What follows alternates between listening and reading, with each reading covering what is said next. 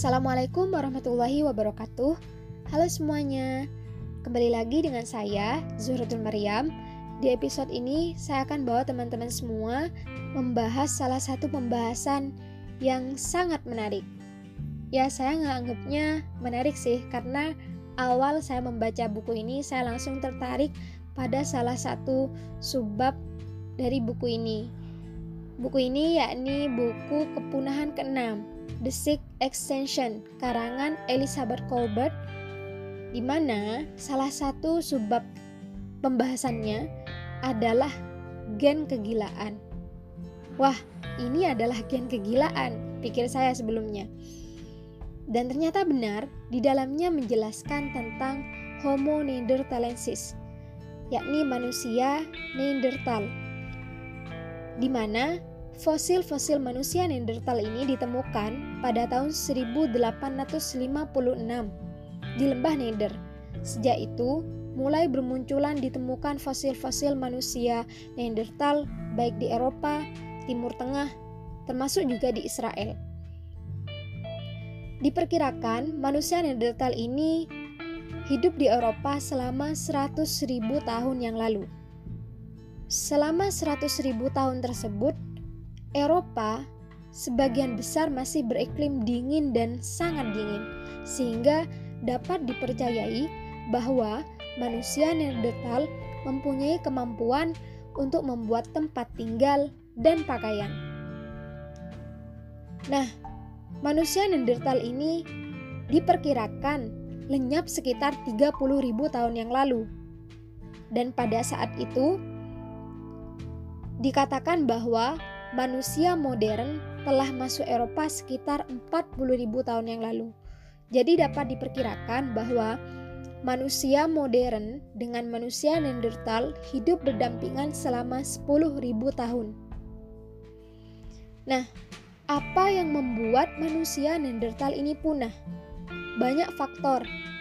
Di sini dari berbagai ilmuwan yang mengatakan bahwa manusia Neanderthal punah karena perubahan iklim. Pertama, karena apa? Di waktu itu ada zaman es maksimum terakhir. Zaman es maksimum terakhir ini adalah zaman di mana lapisan es di bumi lebih banyak menutupi bagian daratan. Sehingga hal ini menyebabkan kekeringan. Selain itu juga sulit untuk uh, apa ya? mengenali salah satu benua baik benua yang satu dengan benua yang lainnya. Dan faktor yang kedua adalah penyakit. Penyakit yang dibawa oleh manusia modern. Lalu, kenapa manusia Neanderthal mudah punah atau mudah lenyap karena penyakit yang dibawa oleh manusia modern? Karena uh, manusia Neanderthal mempunyai kekebalan tubuh yang lebih rendah daripada manusia modern. Dia cenderung tidak kuat menerima penyakit yang dibawa oleh manusia modern waktu itu. Dan yang ketiga adalah nasib buruk. Salah satu preset dalam buku ini mengatakan bahwa nasib buruk manusia Neanderthal adalah manusia modern. Nah, sungguh tragis bukan jika kita sebagai manusia modern dikatakan sebagai nasib buruk dari salah satu kerabat kita yakni Homo neanderthal. Nah, Homo neanderthalensis ini atau yang dikenal dengan manusia Neanderthal ditemukan di lembah Nether oleh salah satu pekerja tambang yang awalnya dia menganggap hal ini adalah sampah. Lalu ketika dilihat lagi ketika digali tambang semakin dalam, semakin banyak yang ditemukan. Ada satu batok kepala, ada satu tulang selangka, empat tulang lengan, dua tulang betis, lima bagian rusuk, dan setengah panggul. Nah, ketika banyak menemukan fosil-fosil tersebut, pekerja tambang tadi menganggap bahwa yang ditemukan adalah beruang gua. Jadi, dibawalah fosil-fosil tersebut kepada Johann Calvalrod, di mana Johann Calvalrod adalah seorang guru di sekolah yang memang kebetulan dia ahli fosil. Waktu itu, Darwin masih gencar-gencarnya dengan karyanya yang terkenal yakni On the Origin of Species di mana hal yang telah ditemukan oleh Johann Calvalrod ini dibawa ke dalam meja eh, perundingan atau meja perdebatan dengan ahli tokoh tentang apa yang telah ditemukannya. Nah, ilmuwan-ilmuwan yang lain menganggap bahwa hal tersebut adalah e, memang fosil-fosil manusia biasa, berbeda dengan Johann Calvalot. Johann Calvalot menganggap bahwa hal yang ditemukan adalah anggota primitif dari ras kita. Menurut Johann Calvalot, hal tersebut ditepis oleh banyak teori yang menganggap bahwa hal itu adalah kerangka manusia biasa yang kebetulan memang terlihat sedikit berbeda dari kita. Nah, dari itu timbul pertanyaan: jika memang itu adalah kerangka manusia biasa, tetapi kenapa tulang dari Neanderthal ini tulang dari fosil yang ditemukan oleh tukang tambang tadi berbentuk melengkung, berbeda dengan manusia biasa. Dikatakan oleh ilmuwan yang lain bahwa oh, ini fosil fosilnya kaza. Kaza ini adalah suatu uh, anggota di mana kaza ini kalau diartikan adalah seorang pengembara dan kaza ini kesasar dan sampai di daerah Nether. Nah, kenapa berbentuk melengkung? Karena Kaza ini terlalu banyak mengendarai kuda sehingga tulang pahanya berbentuk melengkung. Ilmuwan lain mengatakan bahwa oh fosil ini berbentuk melengkung tulang pahanya karena kebetulan fosil ini terkena penyakit rakitis. Oke. Kita lupakan anggapan ilmuwan-ilmuwan tersebut, baik entah kaza atau penyakit rakitis.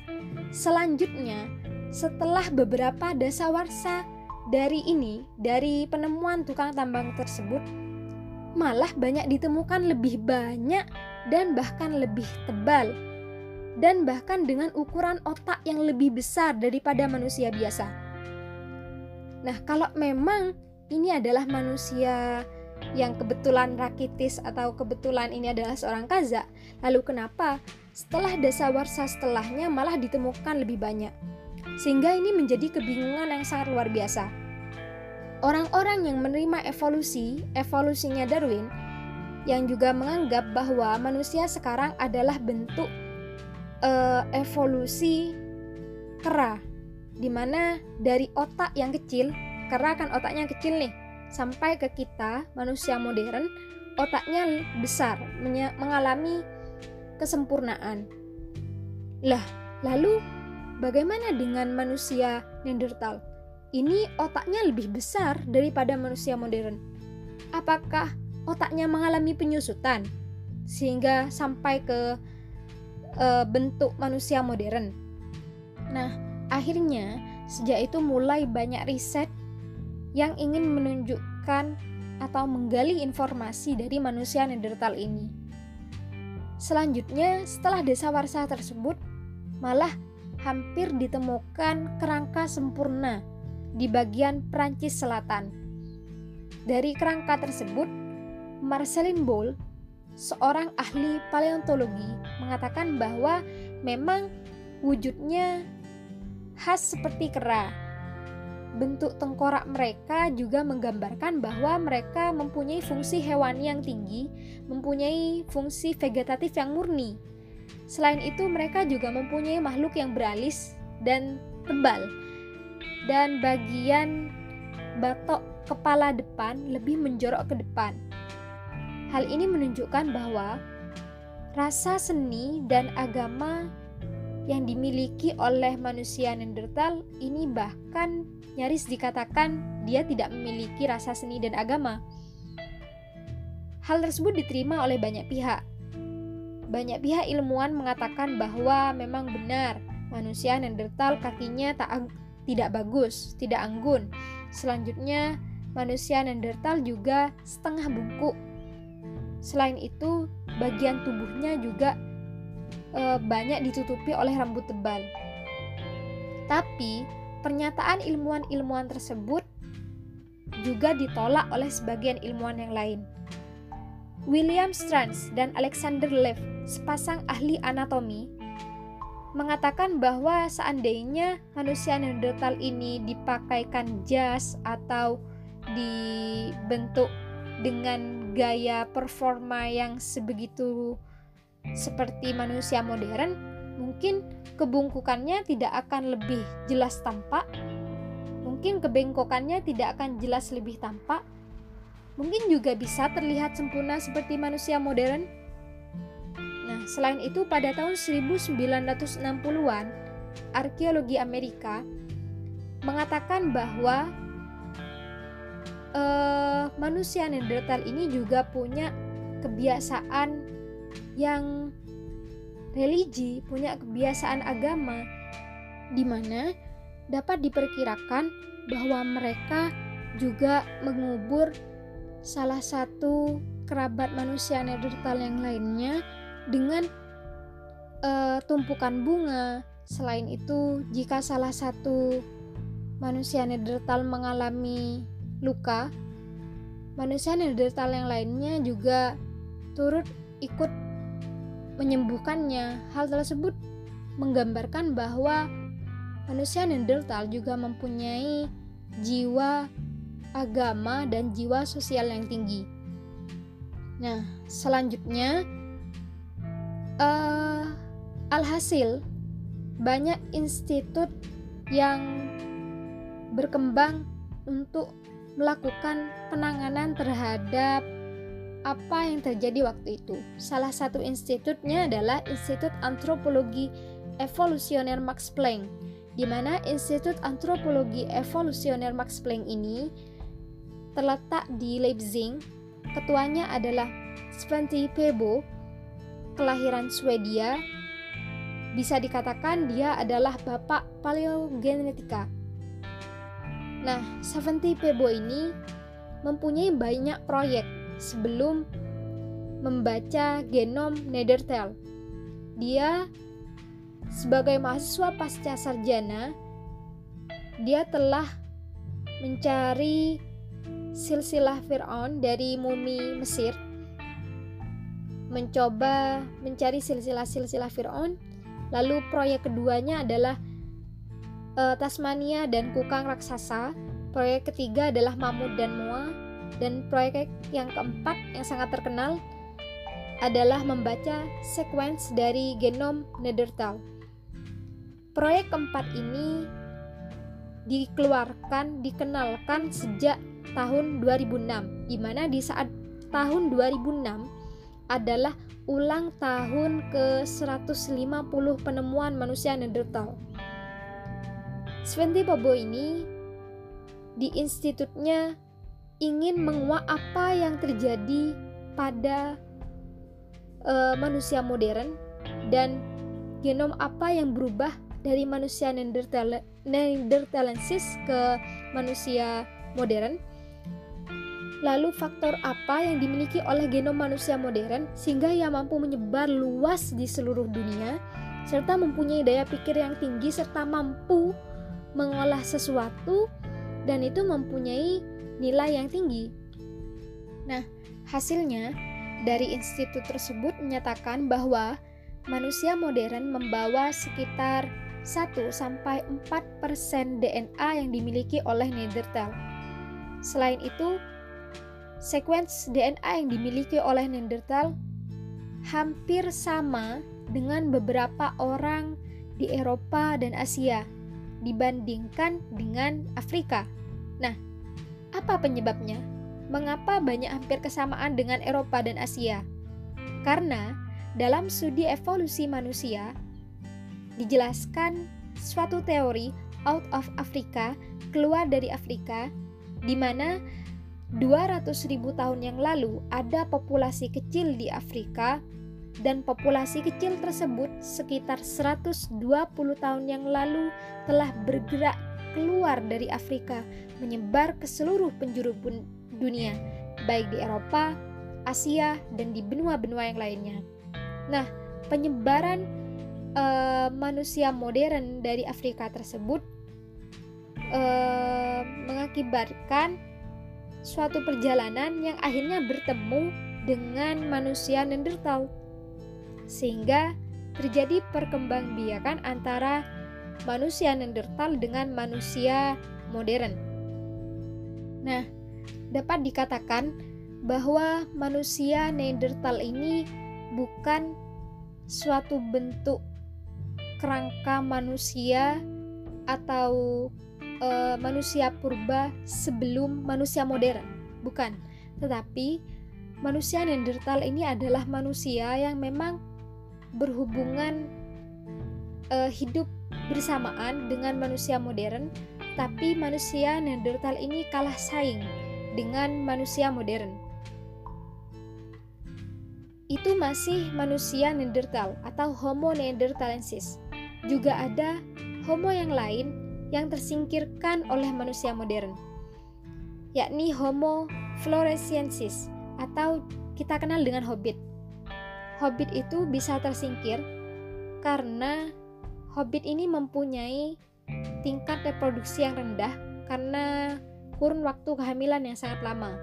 Hal ini menyebabkan hobbit ini tersingkir punah oleh manusia modern.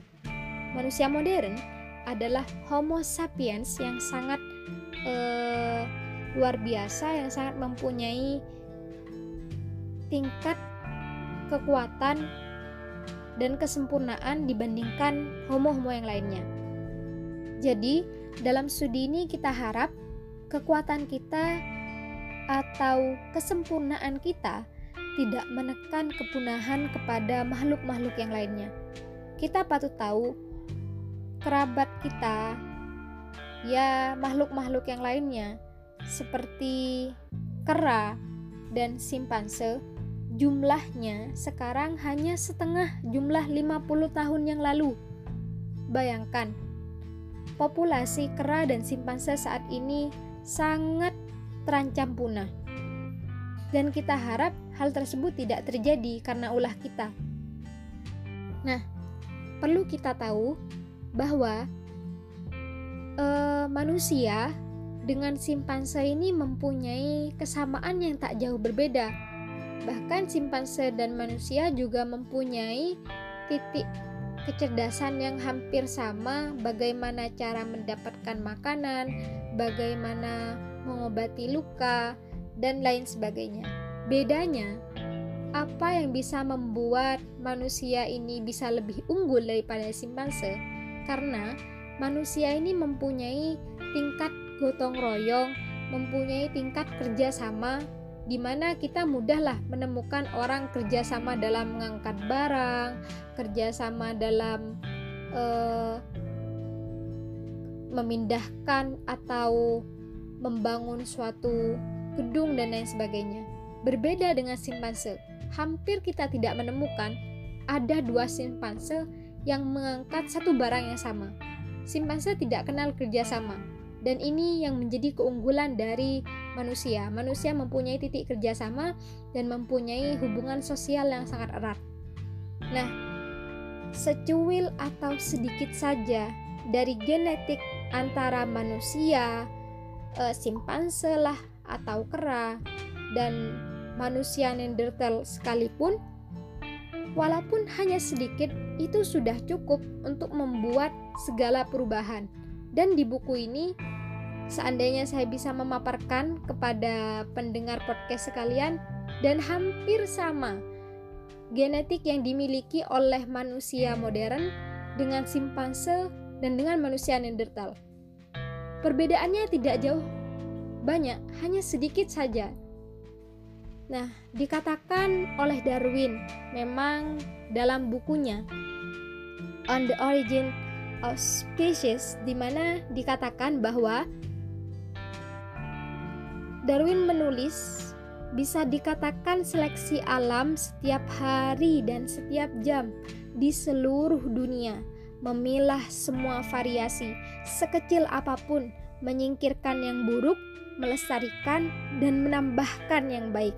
Bekerja diam-diam tanpa terlihat kapan pun dan di mana pun ada kesempatan. Nah, sungguh luar biasa dan sungguh sangat bersyukur Alhamdulillah kita menjadi variasi yang sangat kuat hingga saat ini. Kita telah terseleksi alam dan bisa bertahan hingga saat ini.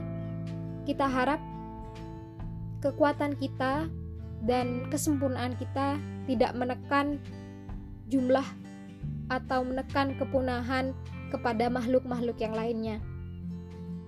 Kita makhluk yang kuat dan kita makhluk yang mempunyai sosial yang sangat tinggi. Semoga semuanya bisa bertahan kuat di bumi kita yang kuat. Kalau kata kapten kita, kuatlah dan menguatkan. Jadi, jangan sampai kita menjadi kuat yang melenyapkan atau yang menyingkirkan. Oke, terima kasih semuanya. Sampai ketemu di episode selanjutnya. Wassalamualaikum warahmatullahi wabarakatuh. Bye bye.